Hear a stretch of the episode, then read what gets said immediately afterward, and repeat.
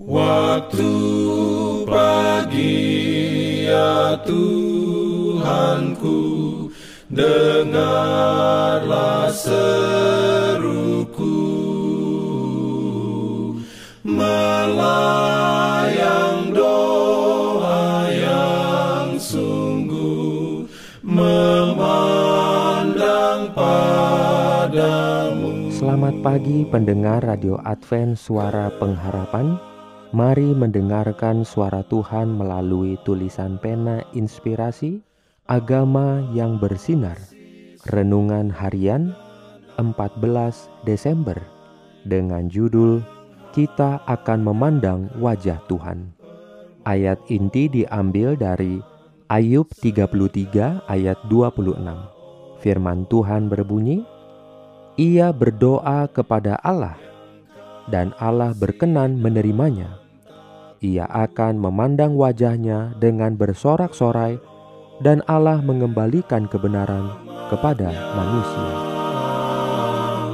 Diberikannya perlindungan dalam pimpinannya. Urayanya sebagai berikut.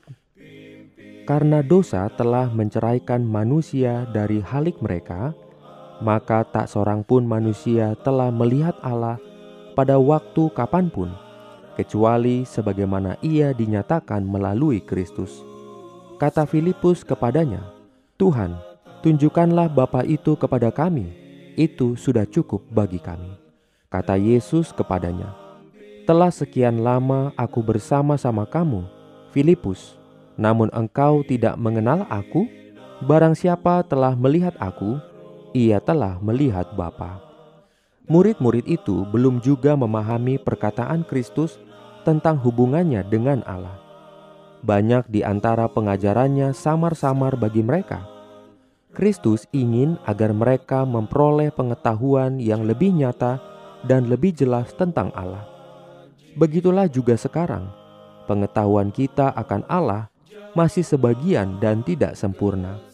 Setelah pergumulan berakhir, dan Yesus Kristus sebagai manusia mengakui di hadapan Bapa semua pekerjanya yang setia, yang di dunia berdosa telah menjadi saksi sejati baginya, maka mereka akan mengerti dengan jelas apa yang sekarang ini masih rahasia. Kristus membawa kemanusiaannya yang sudah dimuliakan keadilan surga. Kepada mereka yang menerimanya, ia memberikan kuasa untuk menjadi anak-anak Allah, supaya pada akhirnya Allah menerima mereka sebagai miliknya untuk tinggal bersama-sama dengan Dia selama kekekalan.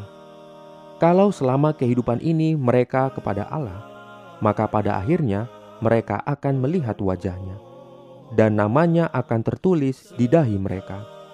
Apakah kebahagiaan surga kecuali melihat Allah? Kegembiraan apakah yang dapat datang kepada orang berdosa yang telah diselamatkan oleh anugerah Kristus itu yang lebih besar daripada menatap wajah Allah dan mengenal Dia sebagai Bapa? Amin. Diberikannya perlindungan dalam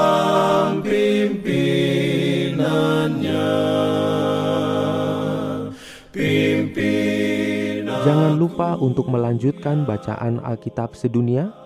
Percayalah kepada nabi-nabinya yang untuk hari ini melanjutkan dari buku Yesaya pasal 21. Selamat beraktivitas hari ini. Tuhan memberkati kita semua. Jalan kewajiban.